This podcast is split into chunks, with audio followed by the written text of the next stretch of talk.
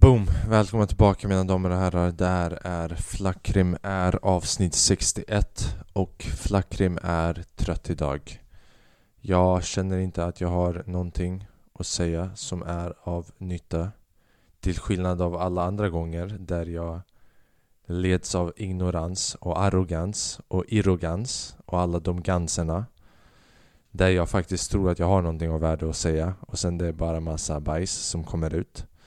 Du vet, jag, jag är lite av en politiker kan man säga. Jag är en framgångsrik politiker i det här landet. Vem vet, kanske i framtiden man ser mig så i parlamentet. Alltså inte i komediparlamentet utan det faktiska parlamentet. Där de riktiga galningarna och komi komikerna finns och sitter. Jag, jag ska köra en sån John, Jan Emanuel. Bara så utan någon koppling till politiken komma in och ha styrelse över Sveriges framtid. Och sen köpa en jatt. Och sen byta, byta lag. Och sen säga att jag, jag hejar på båda lagen. Ja. Jag, jag är trött för att uh, jag, jag var ute och sprang. Jag var ute och sprang. Och det var en jobbig, det var en jobbig runda. Jag vet inte varför. Jag tror jag vet varför. Jag har varit slö. Jag har inte gjort det bästa ifrån mig. Jag har inte presterat bra inom andra områden i mitt liv de senaste dagarna. Och jag tror att det speglades i när jag sprang. Det är höstlov, jag har inte haft någonting att göra de här dagarna. Vilket betyder att jag bara suttit där, suttit här hemma och fucking käkat massa godis, kollat på serier och bara inte gjort någonting produktivt. Jag har inte skrivit, jag har bara så... Du vet, som en, som en hälsosam människa ska göra. Har en lucka av fritid, vad gör du då? Bara bajsa ner ditt liv, förstör ditt liv. Det är det man gör. Man bara, vad, vad hade du gjort om du hade ett liv där du inte behövde jobba? Jag hade förstört mitt liv. Det är vad jag hade gjort. Vad hade du gjort om du äntligen lyckades ha frihet och kunna göra vad du ville göra? Jag hade förmodligen gjort så att jag inte hade frihet längre. Så att jag hade fuckat upp allting. Det var jag, du vet höstlov sådana här korta lov, det är därför många människor klagar på att ah, vi borde inte ha det är för korta pauser, det är för korta lov från jobbet som vi har. Heter det lov för vuxna människor också? Man märker att jag inte är en vuxen människa för jag kallar vuxna människors semester heter det. Så heter det just. Fucking tolvåringen här. Ja, när man har lov från jobbet. Ja men när man har lov, när man har, man, man har fucking lov, du har aldrig vuxit upp. Man har tre veckors lov och folk bara det är för kort. Det är för, men eh, det är det inte. För tre veckor är tillräckligt att du ska börja komma in i destruktiva rutiner. Om du hade dubblat det där Även eh, som trebarns farsa Roger från Östermalm hade kommit in i koks och horor efter sex veckor. Jag tror gränsen går på fem veckor. Fem veckors ledighet är när du börjar ta koks. Så du vet, du vet man ska, och det speglades idag när jag sprang ut, jag märkte det. Jag brukar springa och... Jag, jag var mycket inne i mitt hjärna när jag springer. Jag försöker alltid vara meditativ. Alltså att när jag springer, jag fokuserar inte så mycket på hur jag mår utan jag bara fokuserar på en punkt, jag fokuserar på min omgivning Jag fokuserar på min andning och jag bara springer och springer och springer och fucking springer. De här senaste dagarna, jag tror, jag är väldigt medveten om när jag är självdestruktiv.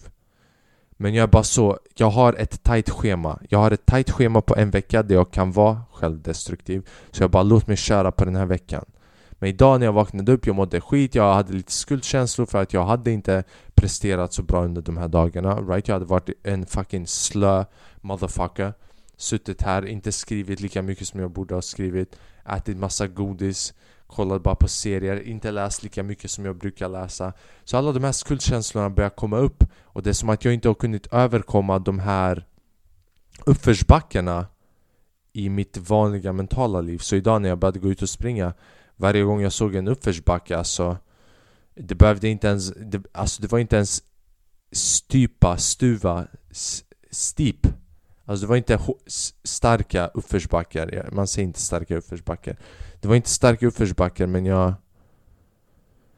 Jag kände motståndet. Alltså, jag, jag var på väg att stanna många gånger, många gånger men jag stannade inte, jag stannade inte, jag körde på, jag körde på. Varför? För jag tror Jag litar på mig, jag litar på Gud, jag litar på vet, jag trodde på min förmåga Nu det håller på att bli en dålig sån Typ jag känner att jag kan vara motiverande ibland men jag har inte rösten Bro, vad fan...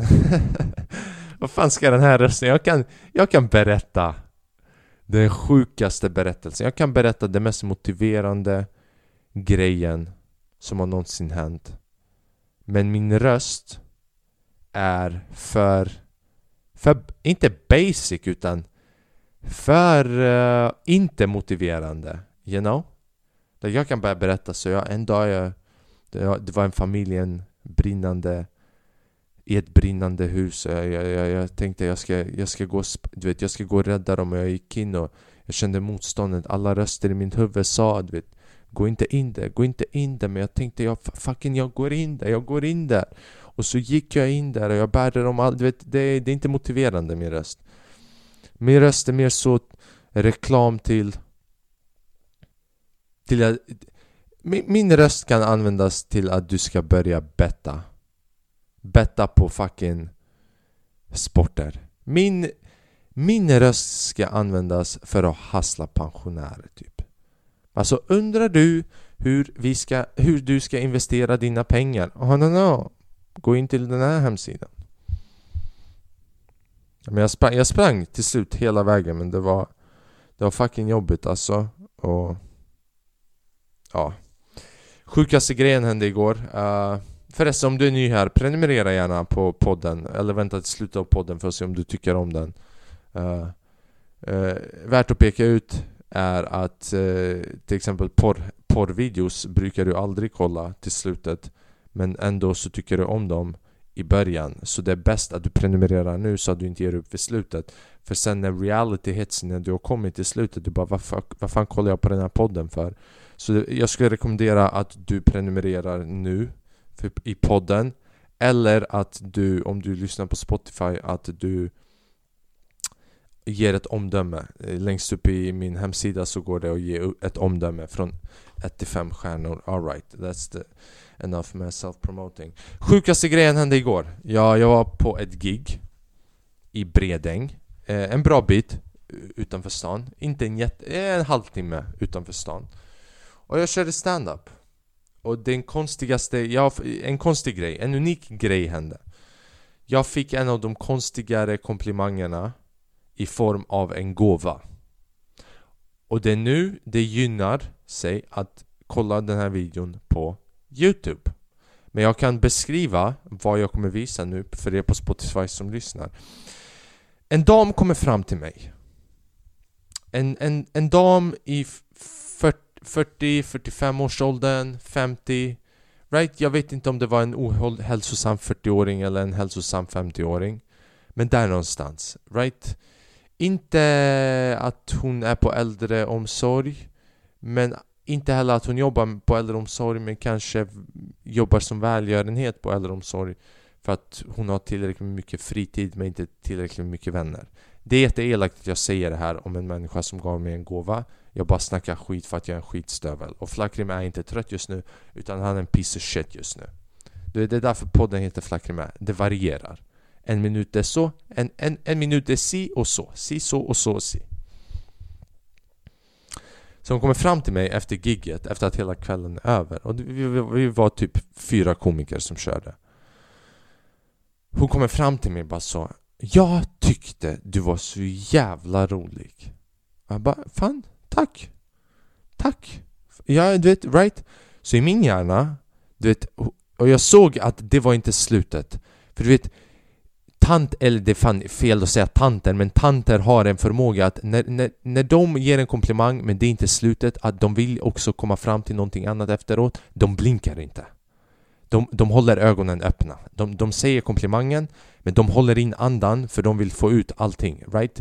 Det, de behöver få ut det. Så de blinkar inte, de blundar inte Så jag, hon ger mig komplimangen, jag bara ja, fan Tack så jättemycket, men jag läser också miljön och i miljön som jag läser jag, jag tänker hon har någonting mer att säga. Hon tyckte om gigget. Hon kom fram till mig av alla komiker och gav den här komplimangen till. Jag bara, nu ska jag bli bokad till ett annat gig Ett privat gig Ett evenemang. Kaching, right? Jag kommer tjäna lite cash. Så jag bara, det här är nice Det här är nice. Jag ser vart det här är på väg. Jag kan se in i framtiden. Jag är en spågumma. Jag jag är mer tant än tanten framför mig för jag kan se framtiden. Det enda som saknas är lite för mycket smycken och lite för lite källor. För att jag ska vara säker på det. Det är så man är säker på någonting utan att veta det. Var en tant i 50-årsåldern med för mycket, för mycket smycken och för lite källor. Helt plötsligt, shit turns fucking damer. Serial killer nivå. Hon bara 'Jag har en gåva till dig' Eh, hon, hon säger inte 'Jag har en gåva till dig' Hon säger Hon bara ställer en fråga Hon bara 'Du var jätterolig idag' och Jag bara 'Ja, tack så jättemycket' Hon bara 'Gillar du gosedjur?' Right? Bara så Gillar du gosedjur? Nu, min hjärna, 100 infallsvinklar Right? 100, right? Jag försöker räkna ut vart det här är på fucking väg Snackar hon om någon konstig fetish som hon har? Håller hon på med någon voodoo shit? Har hon spott någon sån här onde fucking grej på mig? Vem frågar vilken vuxen människa frågar en annan vuxen? Jag påstår inte att jag är vuxen Men fucking det var, alltså det var på, på gränsen av pedofili Alltså jag känner mig lite obekväm Jag bara, jag, hon, jag bara, jag, jag är 23, du kan inte... Vad håller du på? Vart är det här på väg? Gillar du gosedjur? Du kan inte fråga mig om jag gillar gosedjur. Gillar du gosedjur? Så jag sitter här och jag bara... Jag gav ett hackande A. Jag bara, ja, ja. Alltså det beror ju på. Vart... Vad händer? Vad händer? Och hon bara, ja, jag har ett gosedjur som jag har med mig. Och jag bara Nice, inte konstigt att du är vuxen har levt, har förmodligen haft ett jobb på väg in till pension. Du har med dig ett gosedjur i en bar Absolut, helt okej. Okay. Kör på, det här är Sverige. Vi accepterar allting. Det var då jag, jag var så obekväm att jag bara Jag önskar jag hade en furry transa som inte visste vad hon identifierar som vid min sida Bara för att jag ska känna mig extra trygg.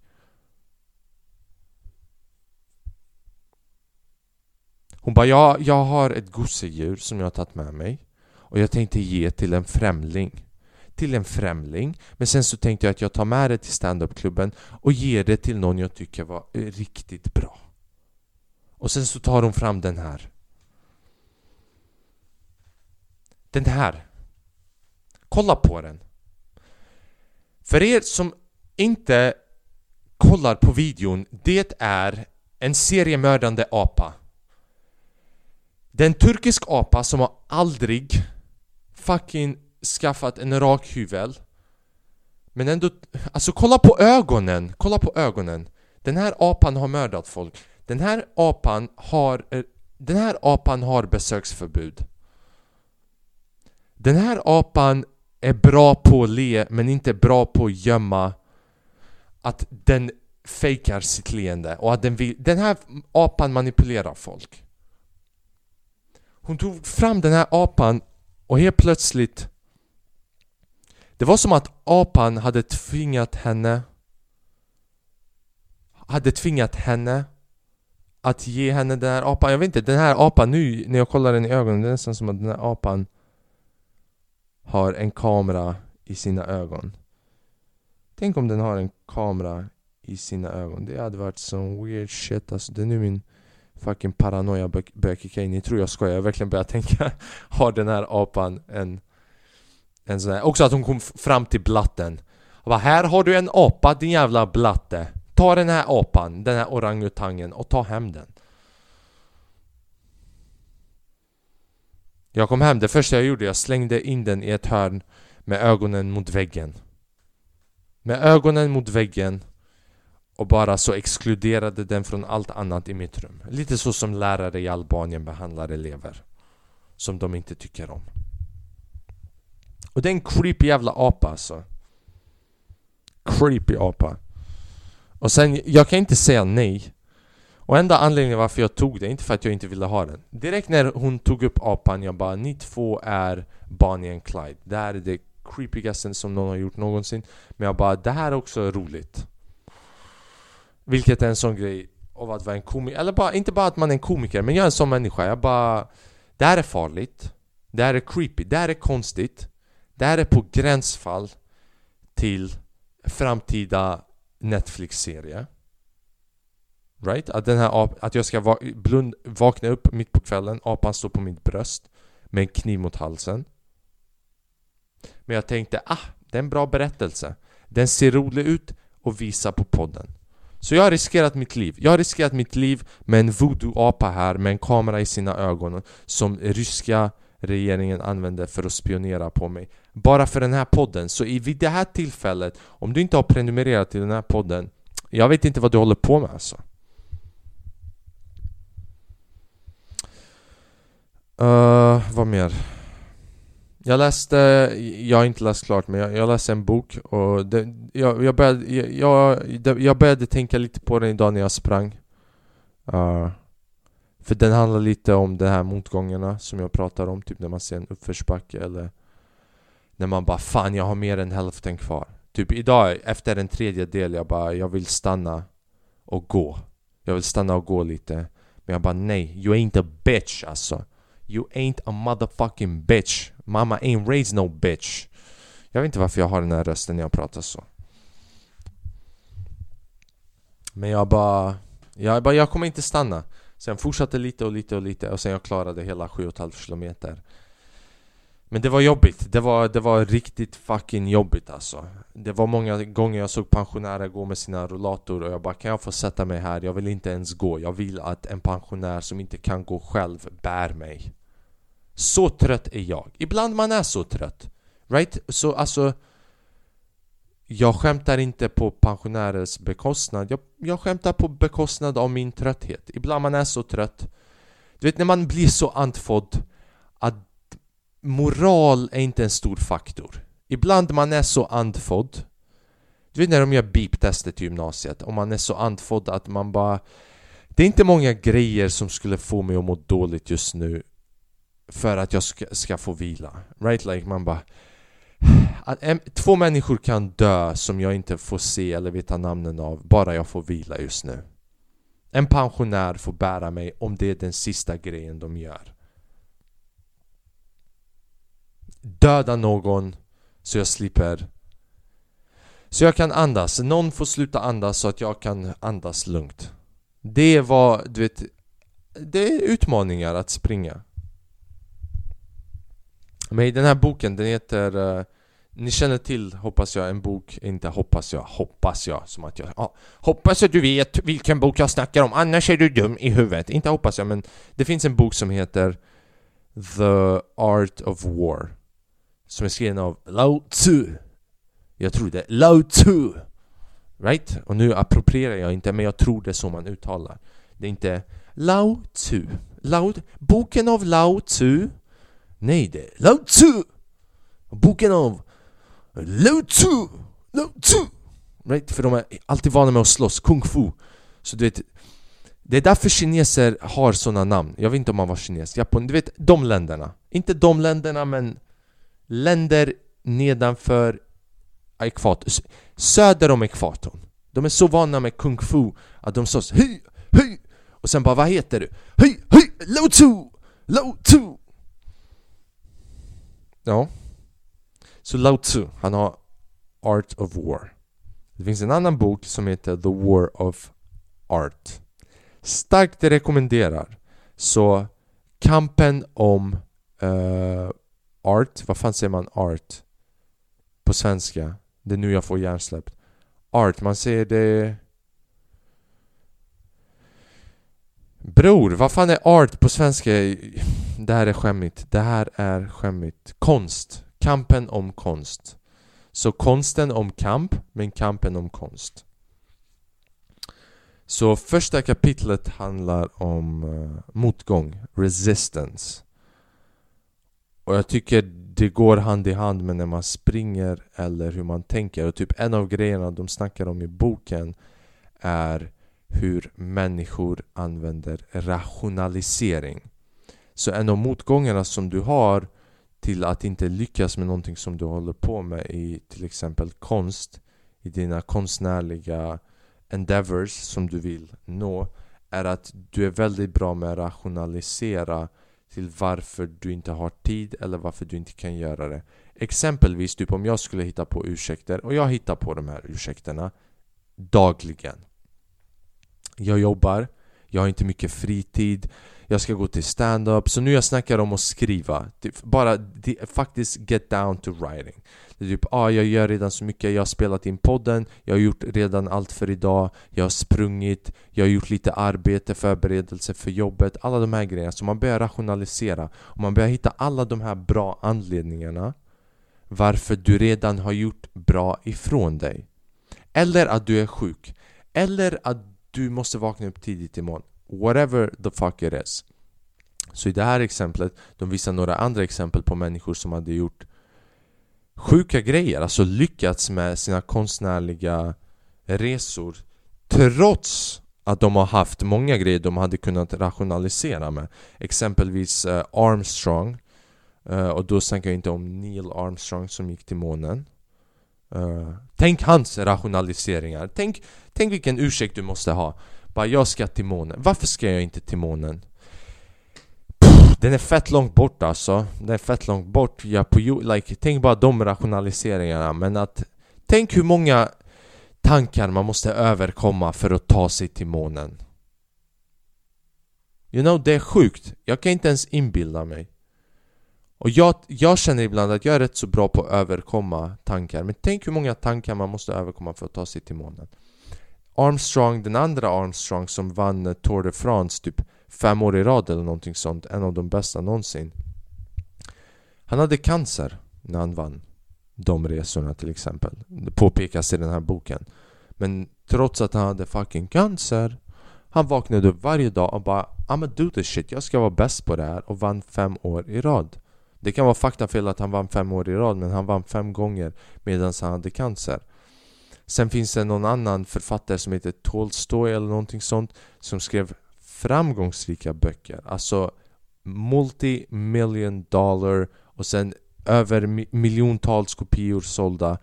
Medans hen, för jag vet inte om det är en dam eller en man, hade 13 barn. Tänk 13 barn, alltså Typ jag känner nu att ibland jag har bra ursäkter att inte skriva. För, och jag är bara en människa. Jag är bara en fucking människa i ett hem men ändå jag vaknar upp och bara, ah, jag känner inte, jag har gjort tillräckligt Så tänk när man skaffar ett barn. Du måste hinna med alla the regular shit i din dag. Plus du måste hinna med barnet, se till att barnet har allting. Plus spendera tid med barnet, med din fru och, och bibehålla en bra relation och miljö i familjen. Vet du hur lätt det är att rationalisera att du inte ska följa dina artistiska uh, endeavors? Och sen utöver det, tänk ha 13 barn. Och sen du skriver en bok. Nu när jag väl tänker på det, de kanske skrev boken åt henne. Det är fett smart, ha 13 barn, man bara jag pallar inte skriva boken, skriv ner den. Så det är kanske vissa detaljer, kanske måste undersökas lite mer. Men poängen är att hon hade 13 barn och hon skrev boken. Jag vet inte om det var en hon, men jag bara gissar att det är en hon.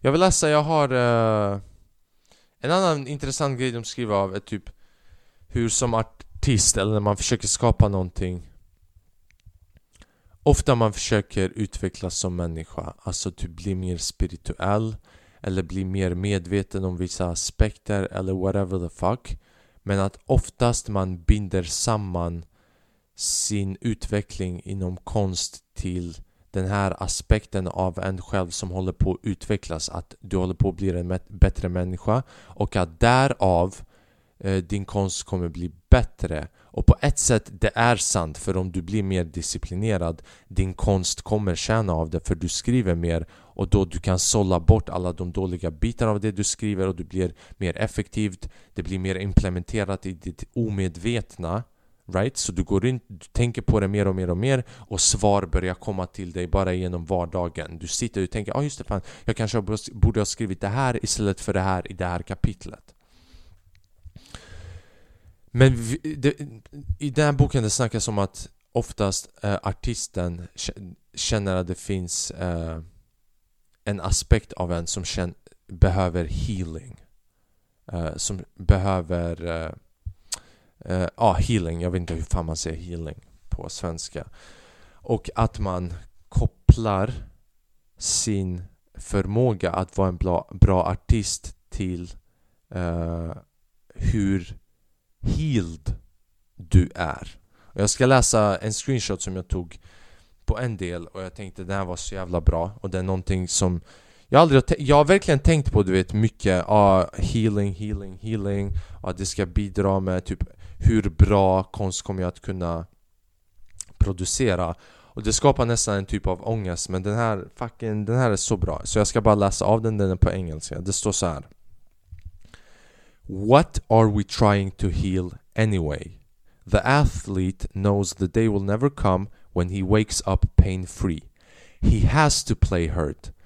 Remember, the part of us that we imagine needs healing is not the part we create from. That, that part is far deeper and stronger.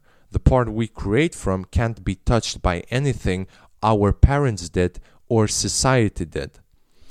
The part is unsullied, uncorrupted, soundproof, waterproof, and bulletproof. In fact, the more troubles we've got, the better and richer the, that part becomes. The part that needs healing is our personal life. Personal life has nothing to do with work.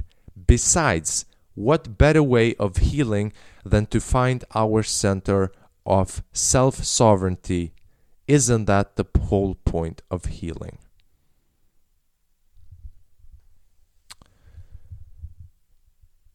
Den här, alltså den här grejen för mig tydliggjorde så många grejer. Jag tror det finns många grejer som man måste tolka och analysera här. Men bara den delen till exempel när, det, när det nämns typ The part that needs healing is our personal life. Jag tror som artist, eller som, inte bara som artist, när jag säger artist, jag menar då allt. Artist, jag menar artist är att du vill leva.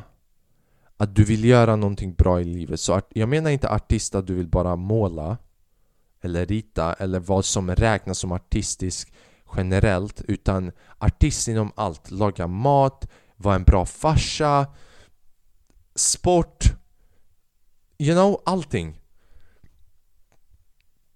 Man måste lära sig, och det, det, det snackas om i den här boken också, att detach. Att inte kopplas till det du gör. Du är inte det du gör.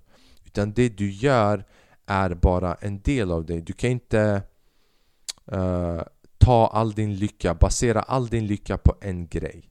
Det är en dålig fördelning av dina tillgångar. Och dina tillgångar är din energi. Så i den här boken det snackar om en annan aspekt är typ en grej som kan göra det svårt för dig att utvecklas som artist eller att nå framgång är att du älskar konsten för mycket.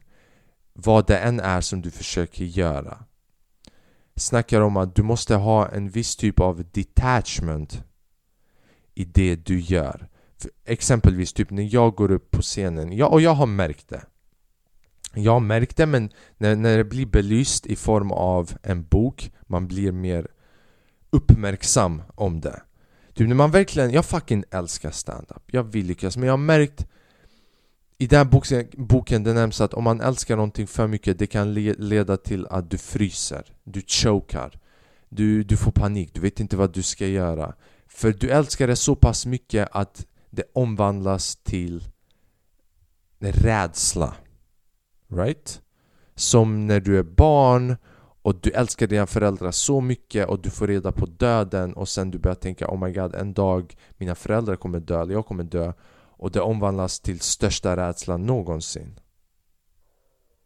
Det här är bara ett exempel. Så i den här boken det snackar om att man ska ha en viss detachment där man man ska göra bra ifrån sig, man ska love the game men man ska inte basera hela sin, sin lycka och framgång i livet bara på den lilla grejen Utan man ska ha nästan nonchalant, arrogantiskt beteende mot den Nä, Nästan så att man gör det för pengar. But I'm here to get my motherfucking money, I don't give a shit. Och jag drar härifrån. För det är då man kan uh, bli mer kreativ, man börjar vara lite mer fearless. Så det handlar om att vara fearless och att vara för mycket in love i det du gör uh, förstör din förmåga att vara fearless. Du blir väldigt uh, kompermentaliserad om det är ens ett ord. Du blir indelad i en kategori. Du, in, du, bara, du indelar i en kategori, du, förmin, du, du förminskar också dig själv. Du tänker jag måste göra så här, så här, så här. Oh my god. Och sen lilla minsta kan göra att du tappar förtroende på dig själv. So the part that needs healing is our personal life. Så det är till exempel, ah, hur hur, hur äter jag? Hur beter jag mig mot människor?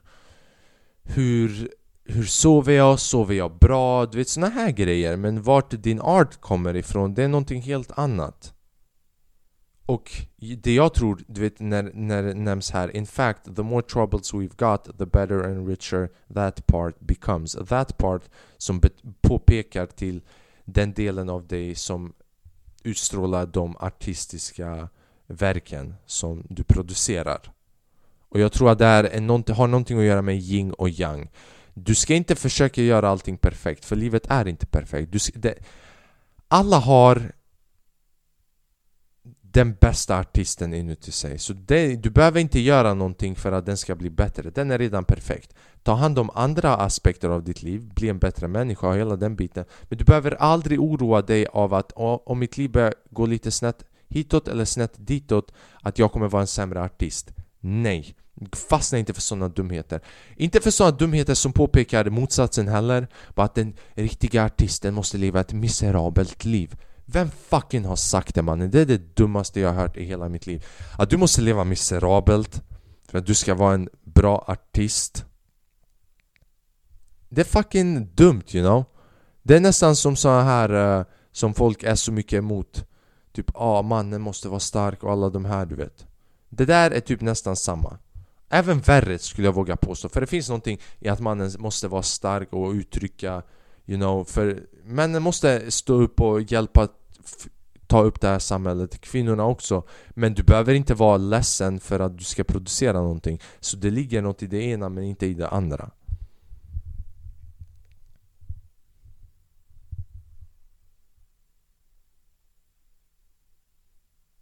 Så ja, what are we trying to heal anyway är frågan. Och sen att vara sig själv, det, man måste vara sig själv.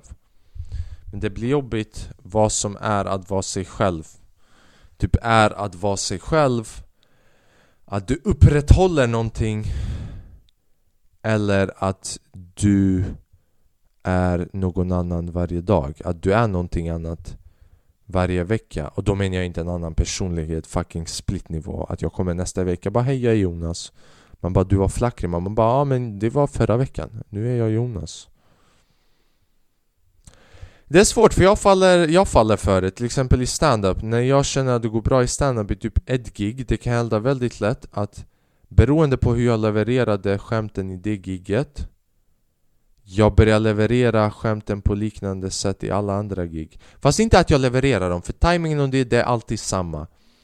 Men själva personligheten, typ Jag börjar implementera personligheten som jag hade på scenen den gången Vilket är dumt, för den gången var den gången det var den kvällen där jag hade ätit den salladen, druckit två öl, tagit kanske en cigg som producerade de här reaktionerna i min hjärna till att jag var den personen på scenen.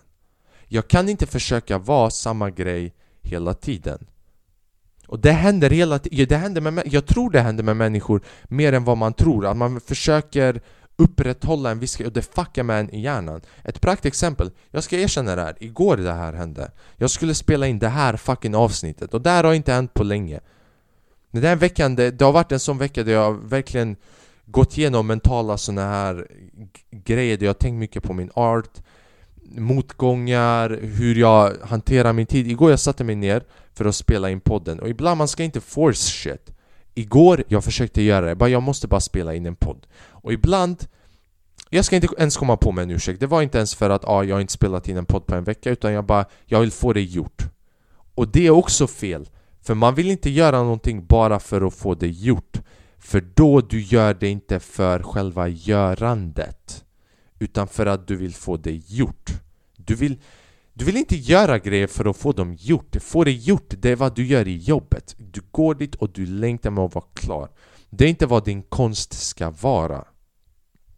Jag satte mig här igår och jag började spela in podden Jag såg någon jävla caps som jag har här i mitt hem Någon caps Jag la på mig capsen, jag satte på mig glasögonen för att förra avsnittet, kommer jag ihåg, jag hade på mig glasögonen och hela den biten, mössan And we were vibing, right? Det var mycket mer komedi än vad det är i den här podden just nu Varför? För det var en annan fucking dag Jag var på ett annat humör You know?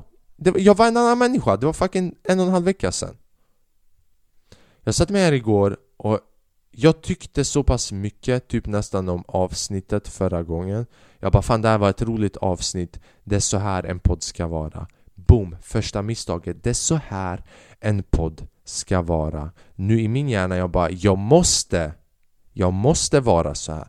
Jag satte mig här igår och jag började spela in den här fucking podden i 15 minuter. Med glasögon och caps på som en fucking clown som försöker tillfredsställa, inte er utan en fake bild av mig Av mig, by mig, alltså av mig, från mig.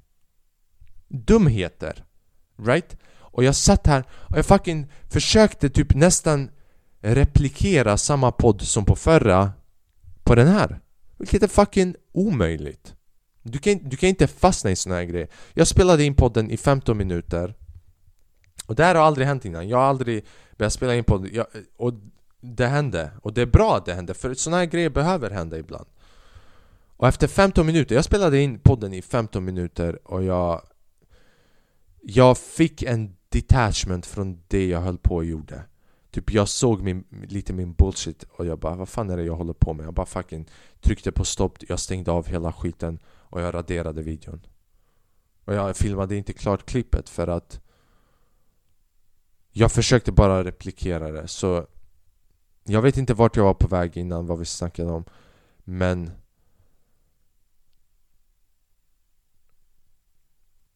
Var dig själv den dagen så var inte dig själv Var inte en sammanfattning av dig själv. Det är det, ja exakt. Oftast vi försöker vara sammanfattning. Varför skulle du vara en sammanfattning? Varje dag är en ny bok. Du tar inte en ny bok och sen du märker att den boken är en sammanfattning av den förra boken. Det skulle vara det dummaste någonsin. Då alla böcker hade varit likadana. Jag säger inte att du ska gå nu och inte vara den du var igår heller. Utan du ska vara det som känns och kommer naturligt. Både negativt och positivt. Om du har varit... Och det här gäller inte bara med konst. Jag känner att det här gäller inte bara med konst till exempel med en själv. Utan i sociala sammanhang också. Du behöver inte vara glad hela tiden. Du behöver inte skratta åt folks skämt hela tiden.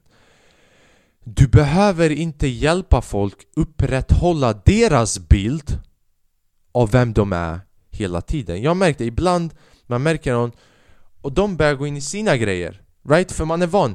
Ja, man, du vet, ibland det är det man gör, sociala sammanhang Jag gör mina dumheter, du gör dina dumheter. Och ibland man kör den här sammanfattningen av sig själv. Och de bekräftar vem du är och du bekräftar vem de är. Men ibland man är trött på det Right? Det betyder inte att du inte vill hänga med dem.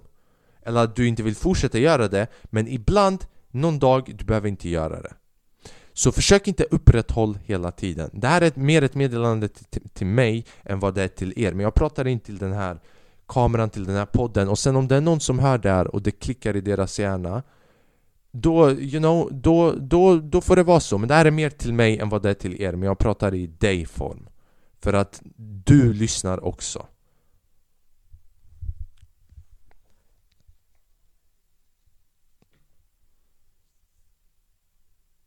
Och sen, sen man behöver också tror jag detach lite allmänt från sina dumheter och från andra människor och vara lite själv för att utvecklas.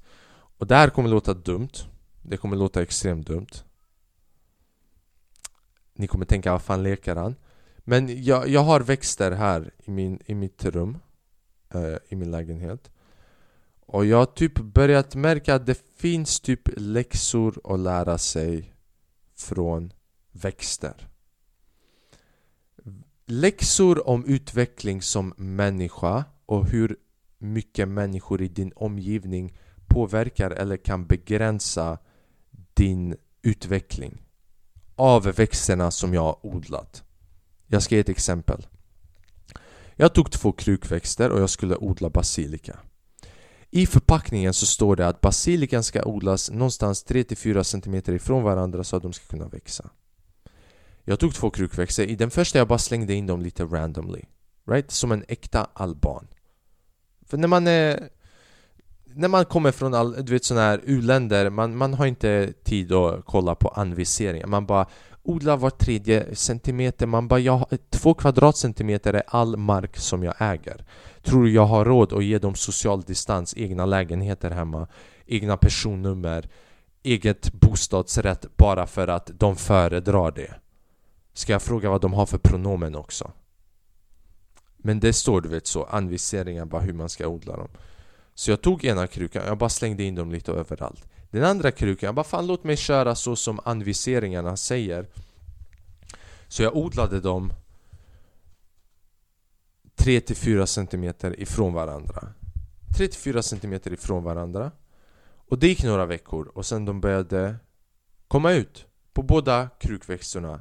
Den tätbefolkade och den den de båda har lika många basilikaväxter vill jag påpeka förresten. Så det är inte så att det är tätbefolkat i den mån om att det är fler växter utan det är lika många frön. Det är bara att de är närmare varandra och de andra är lite mer ifrån varandra. Fortfarande i samma kruka. Och krukan är en analogi för någonting annat, vi kommer tillbaka till det. Det här är bara en tolkning jag har gjort. Jag kanske har för mycket fucking fritid Att jag står och analyserar såna här grejer. Jag inte, du vet när man har slutat röka man bara hittar på såna här andra grejer, du vet. Symptomen börjar kicka in. Men Krukan Där jag har lagt dem i distans Är dubbelt så långa just nu Än den som har tätbefolkade. I den tätbefolkade, det som har hänt är att en växt har vuxit lite högre än de andra och bladen har kommit ut.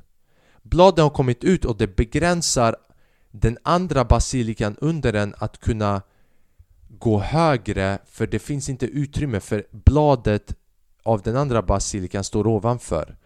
Och det har hänt samma grej med alla de andra basilikan så de står där i en grupp där de stör varandras bladen, deras blomningar, deras blomstran begränsar de andras blomstran.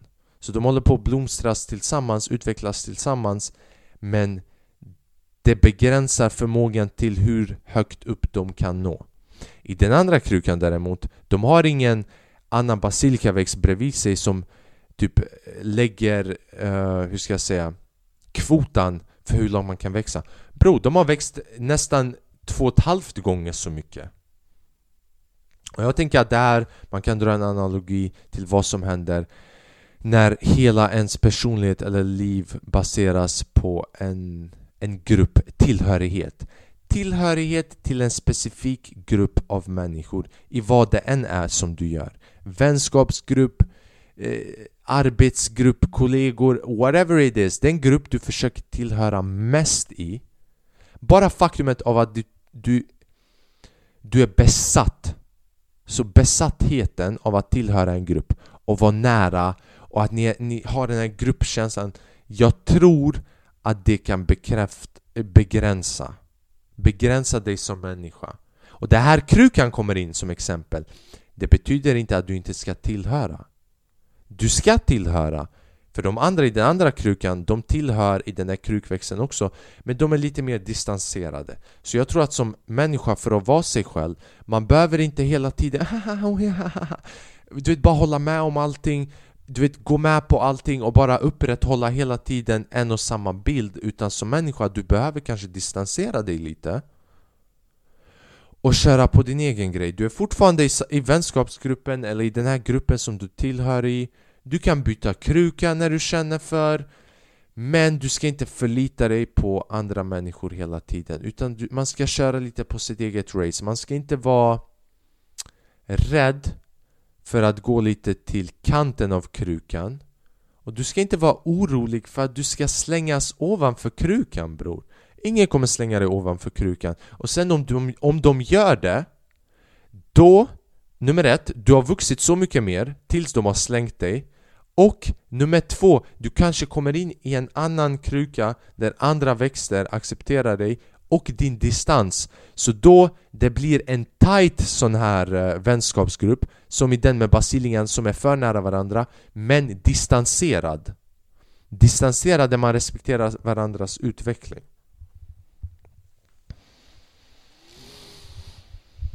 Och sen, you know, jag vet inte vad jag snackar om. Det här, det här är bara filosofi. Jag står här och filosoferar.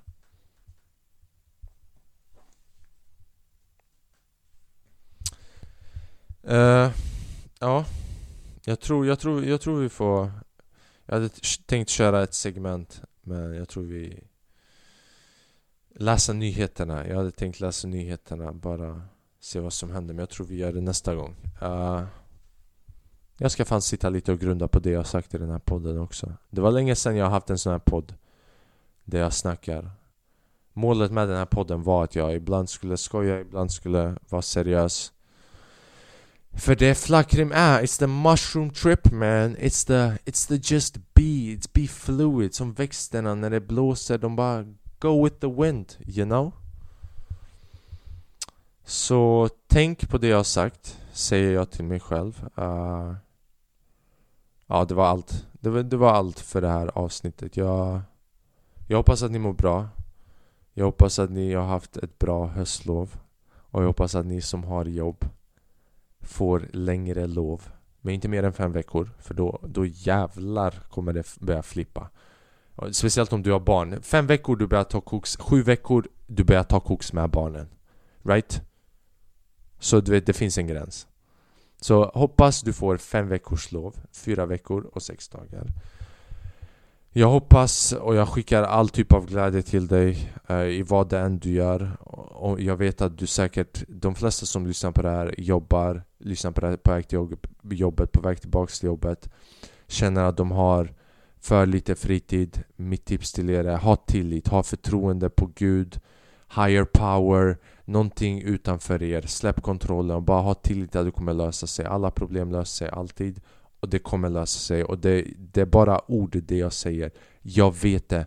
Men någonstans, en del av er, det finns den där när jag står och säger det här, det finns den där den där lilla grejen som vill ta ett djupt andetag och bara släppa. Så som man släppte när man var barn, när din mamma tog upp dig och höll dig i sitt famn. Och det är vad en higher power och Gud är. Och jag tror att den kommer lösa allting för både mig och dig. Och man måste ha tillit till den. Det här är avsnitt 61 av Flackrim är. Prenumerera gärna. Eh, rekommendera den här podden till andra människor som du tror skulle tycka om den.